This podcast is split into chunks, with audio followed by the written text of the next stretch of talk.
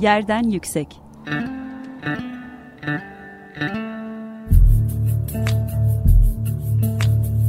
Kentin kent aşırı gündemi. Hazırlayan ve sunanlar İzem Kıygı ve Mehmet Kentler.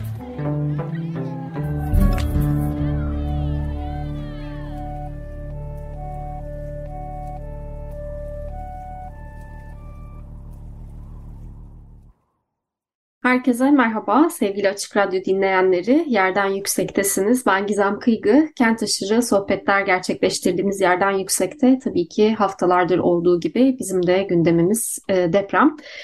Radyoda diğer programlarda çokça e, depremin farklı boyutları tartışılıyor e, ve e, aslında çok çok büyük bir e, sorumluluk zincirinin e, sorumluluk zincirini içeren, kentleşmenin farklı boyutlarını içeren bir afet durumuyla karşı karşıyayız ve e, bütün aslında e, insan hakları ihlalleri, hayvan hakları ihlalleri e, çok geniş bir çerçevede tartışılıyor.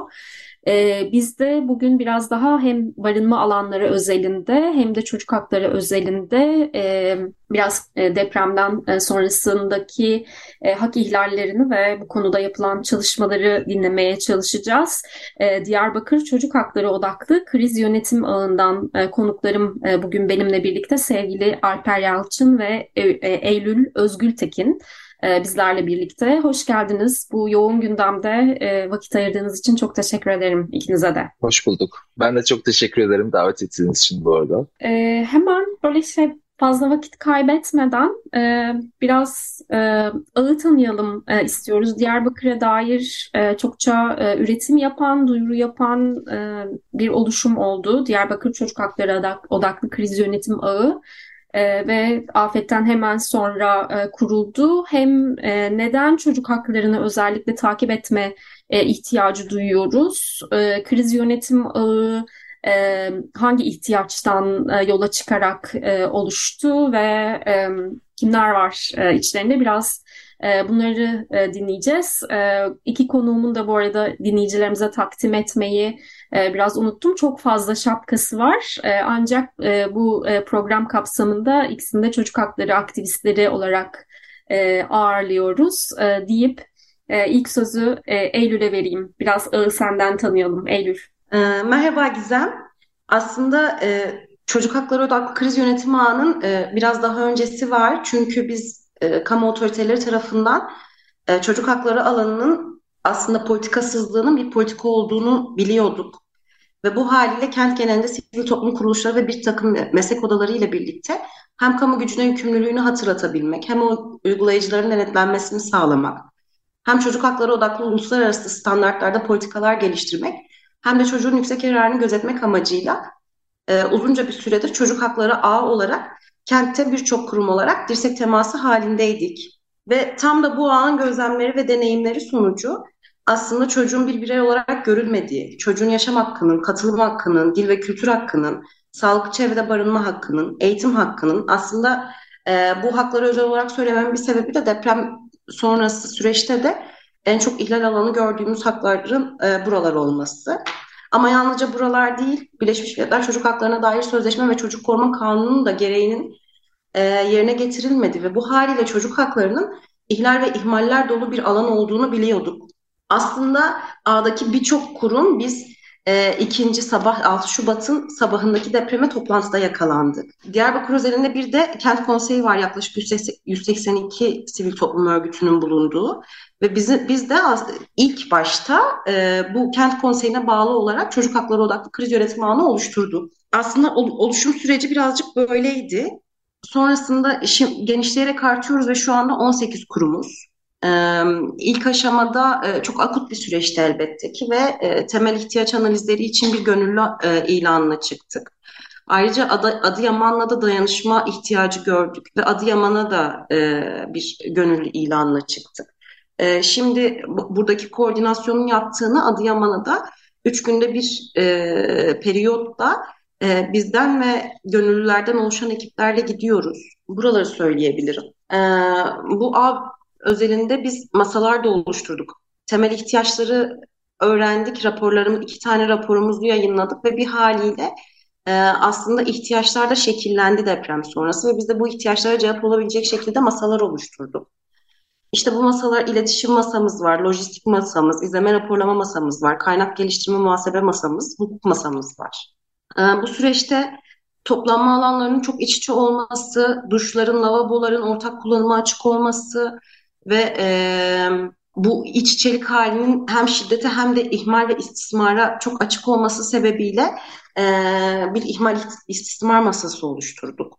Hem e, psikolojik ilk yardım ve psikososyal yardım e, Dermez ve Suhuder e, ile yürütüyoruz. E, hukuk masamızın Özgürlük İçin Hukukçular Derneği, İnsan Hakları Derneği Çocuk Komisyonu, Diyarbakır Barosu Çocuk Hakları Merkezi, e, Çocuklar İçin Adalet Derneği, Morider, beş kurum olarak. E, aslında A'daki kurumlar e, çok derinlikli tartışmayalım, çok süremiz de yok ama uzmanlık alanlarına göre bu şekilde ayrıldılar. Biraz çalışma alanlarımızdan bahsedebiliriz aslında hem e, duyarlılık hem kampanya hem kamuoyu oluşturmak açısından e, belli bilgi notları hazırlıyoruz. Diyelim ki işte ihmal istismara dair e, bir başvuru aldık ya da resen e, bir duyum aldık, öğrendik bir haliyle. E, buna dair işte e, ihmal istismarı gördüğünüzde şu, şu numarayı arayabilirsiniz gibi ya da işte bu alanda şu haklarınız var ve e, bir ihlale maruz kalırsanız şunları yapabilirsiniz. E, ya da işte oradaki e, oradaki işte sorumlu kişiler artık AFAD yetkilileridir, artık kolluktur. E, onlarla beraber aslında e, izlemelerimizi de gerçekleştiriyoruz. Onlara dair de izlemelerimizi gerçekleştiriyoruz. E, ayrıca bizim geçici koruma statüsündeki çocuklara dair çok e, kaygılarımız var. E, çünkü zaten ırkçılık bir haliyle çok e, derinleşmişti ve bu e, deprem süreci e, daha da derinleştirdi ve burada siyasi yetkililerin söylemleri de ırkçılığı çok daha fazla arttırdı ve biz e, zaten mülteci çocuklara dair e, aslında geçici koruma statüsündeki çocuklara dair çok söz üretemiyorken bir de toplanma alanlarında onların ırkçılığa maruz kalması bizde o çocukların yaşam haklarına dair çok temel kaygılar oluşturuyor. E, ayrıca şimdi e, hukuk masamızın önüne koyduğu en e, temel çalışma alanlarından biri de cezaevindeki çocukların tahliye edilmesi. Aslında zaten çok uzun süredir e, çocuklar için cezaevlerinin kapatılması gerektiğini söylüyorduk ama e, bugün deprem ile beraber aslında bir hukuki menfaat zaten yoktu ama şu anda hani tartışılabilir bir düzeyde de değil. Bu çocukların acilen e, tahliye edilmeleri gerekiyor. E, bu sebeple e, cezaevi görüşmeleri de yapıyoruz. Hı hı. Aslında e, daha öncesinde belirttiğim üzere e, belli tespitlerimiz var ve bu süreçlerin e, takibini de yapıyoruz diyerek özetleyebilirim. Belki Alper'in ekleyeceği bir şeyler vardır. O Alper'den önce çok küçücük bir araya gireyim gerçekten hani Türkiye'de çocuk hakları zaten hak ihlallerinin e, çok e, yoğun olarak yaşandığı e, bir coğrafyada yaşıyoruz çocuk hakları bakımından e, baktığımızda. Afet durumuyla ilgili e, afet durumu olduğunda e, bu hak ihlalleri daha e, sıklaşıyor ve e, çocuklara yönelik riskler daha fazla artıyor. E, zaten hani bu sadece Türkiye e, düzleminde tartışılan bir şey değil. Bütün dünya örgütlerinin hazırladığı raporlarda bu şekilde e, gösteriyor. Hani bunu aslında bilip afet öncesinde çocuk hakları ihlallerini gözeterek hazırlanması gerekiyor afet planlarının. Ancak e, Türkiye'de bir afet planları hani doğru düzgün işlemediği gibi e, çocuk alanındaki e, koruma girişimleri ya da e, yapılan çalışmalar da ne yazık ki yetersiz kalıyor. E, bu noktada sivil toplum örgütlerinin ya da e, böyle afet durumlarından öncesinde hali hazırda örgütlü çalışmalar yürüten kişi ve kurumların e, bu alandaki deneyimi ve izleme çalışmaları belki e, dinleyicilerimiz izleme çalışmalarının ne olduğunu da merak edebilir. E, e, hukuki temellerle aslında evrensel değerlerle belirlenen çocuk haklarının hayata geçip geçmediğini sivil toplum örgütleri ve e, çocuk hakları aktivistleri çok yoğun bir şekilde farklı kentlerde afet bölgesinde izleme çalışmaları yapıyorlar ki e, bunlar önlenebilsin. E, durumu tespit etmek ve bunların adını koymak e, anlamında bu yapılan çalışmalar çok çok önemli. E, belki bu noktada eklemek istediklerim vardır Alper ama e, tam da izleme demişken e, Diyarbakır'da barınma alanlarının izlendiği bir rapor yayınladık Rizağı. E, bu raporda yani barınma alanlarında özellikle çocukların çocuklara odaklanılması, çocukların gözetilmesi, devletin bu kapsamdaki yükümlülüklerini e, siz nasıl gözlemlediniz? E, neler e, öne çıkıyor hazırladığınız raporlarda? Biraz senden dinleyelim. İkinizin de ağzına sağlık bu arada öncelikle. Ya aslında bizim temellendirdiğimiz şey birazcık şöyle bir şey tabii ki. E, yani yardım denilen aslında depremden sonra yardım olarak adlandırılan şeyin aslında bir insan hakları temeli var. Ee, insani yardımların bir insan haklarına dayalı standartları var. Ama deprem başladığından beri pek çok insan tabii ki depremin yaşandığı yerlere e, yardımlarda bulunmak için bir şeyler yolluyor. İşte devlet işte çeşitli yardım taleplerinde bulunmaya başladı. Yurttaşlarından e, aslında hani kendi bütçe planlamasını yapmak zorunda olduğunu bildiğimiz bir hale rağmen yurttaşlarından da bu anlamda yardım talep etmeye başladı. Ekonomik anlamda da. E, ve bizde haliyle tabii ki işte insanların e, geçici barınma alanları olarak adlandırdığımız çünkü ilk başta bunlar çeşitliydi.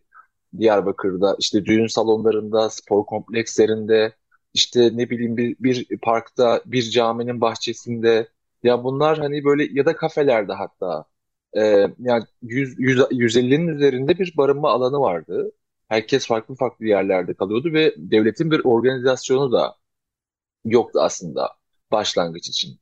E, ve biz bu barınma alanlarında tabii ki bu kaosun içerisinde insanlar zaten çok gergin bir yandan da aslında bir e, bütün bu insani yardımlar dediğimiz şeyler insan haklarıyla ve, ve daha özelliğinde de çocukların insan hakları bağlamında aslında nereye denk düşüyor biraz bunu anlamaya çalıştık. Bu anlamda da bakabileceğimiz şey aslında gündelik hayattaki şeyler gibi düşünebiliriz. Yani nerede yatıyorsun? Yattığın yer yer işte çadır e, çadır da şu anki evet artık işte düğün salonlarındaki ve işte spor komplekslerindeki insanlar artık hani çadır kentlere doğru geçiyor. E, hala bu tahliyeler sürüyor bu arada. Hepsi tamamen bitmiş de değil. Ama bunlar hani işte yani gündelik hayat gibi düşünelim. Nerede yatıyorum? Nerede oturabiliyorum hakikaten? Nereye tuvalete nereye gidiyorum veyahut da nerede duş alabiliyorum? E, yemeğimi bana kim dağıtıyor? Neye göre dağıtıyor? Benim ihtiyaçlarımı birileri tespit ediyor mu? Hani nasıl tespit edecek? Bunun için bir kayıt sistemi var mı yok mu?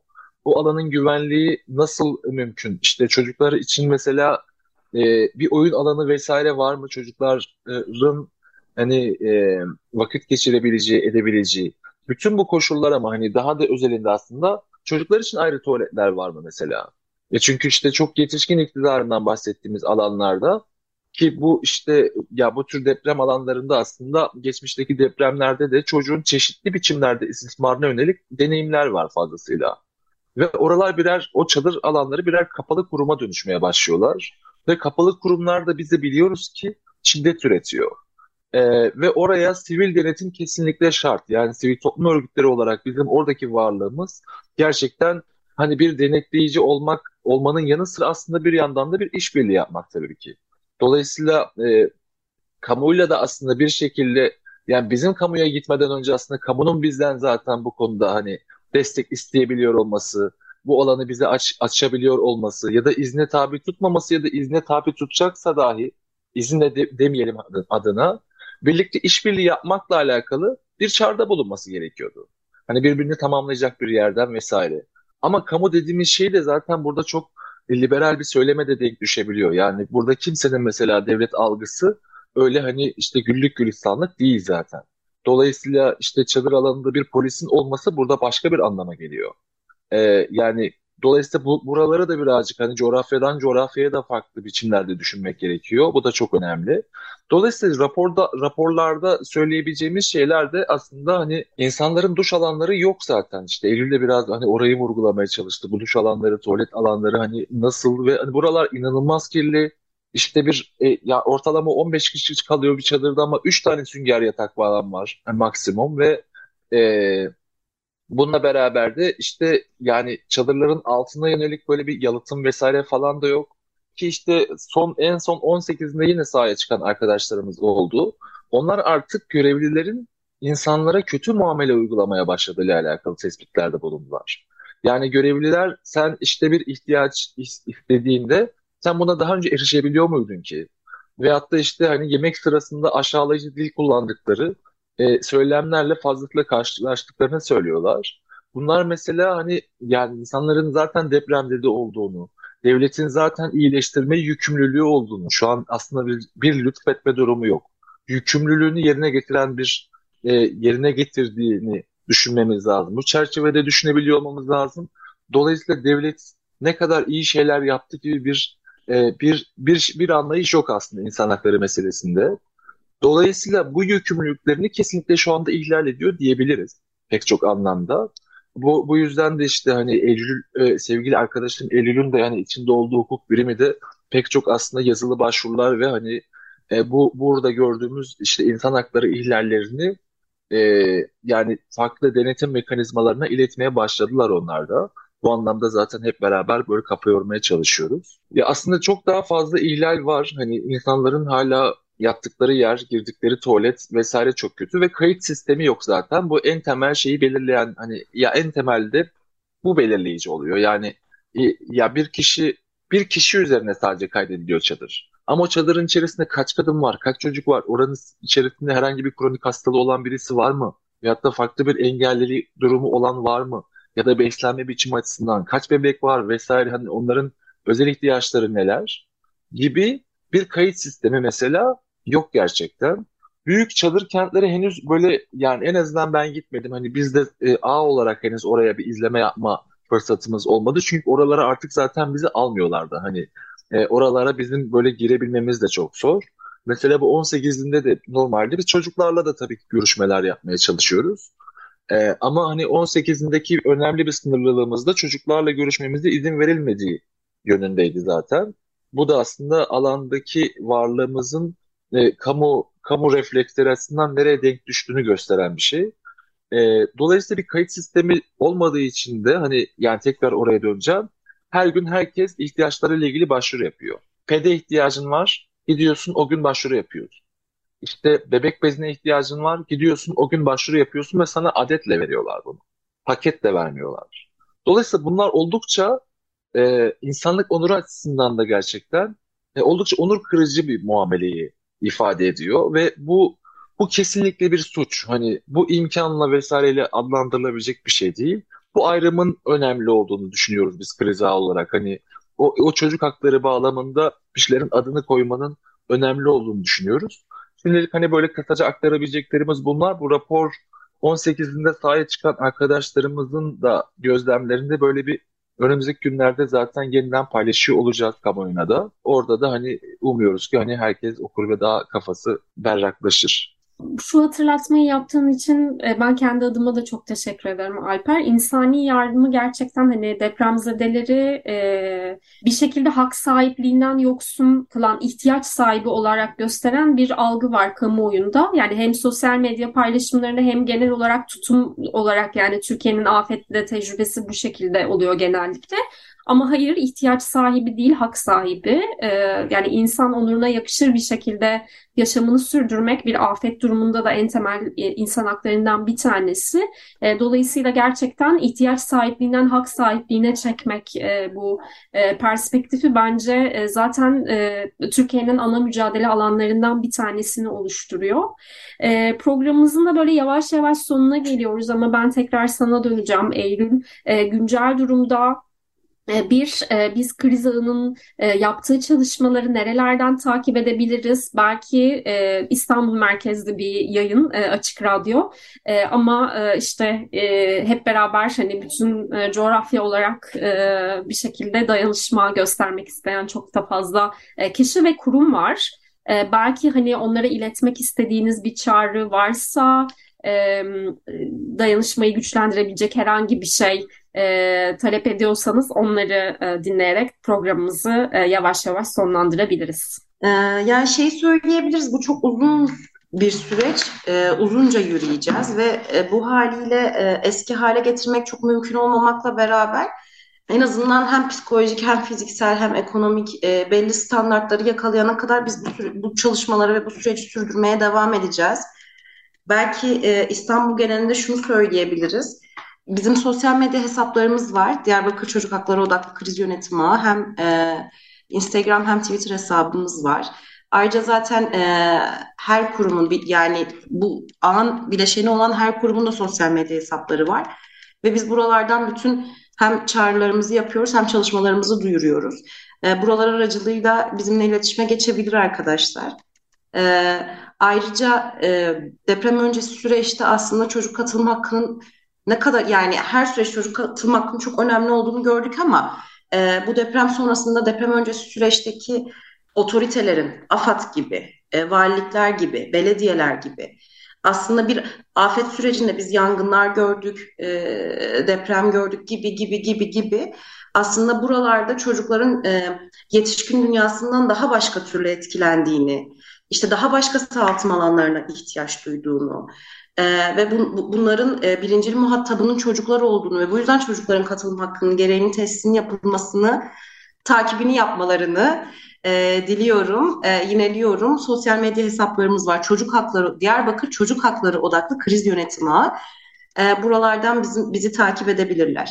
Çok teşekkür ederiz. Ben çok teşekkür ederim. Ee, şeyde bir hatırlatma da yapalım. Yani hani e, aslında e, Açık Radyo'da da konuşulan e, depremle ilgili e, di, diğer gündemlerden çocuklar da azade değiller. Yani deprem bölgesinde yaşanan bütün gelişmelerden doğrudan çocuklar da etkileniyorlar. Buna enkaz kaldırma süreçleri de dahil. E, barınma alanlarının kurulum süreçleri de dahil. Dolayısıyla burada e, çocuk odaklı bir e, gözlük takarak e, bütün bu gelişmeleri takip etmenin ben e, çok önemli olduğunu ve tekraren hatırlatılması gerektiğini düşünüyorum.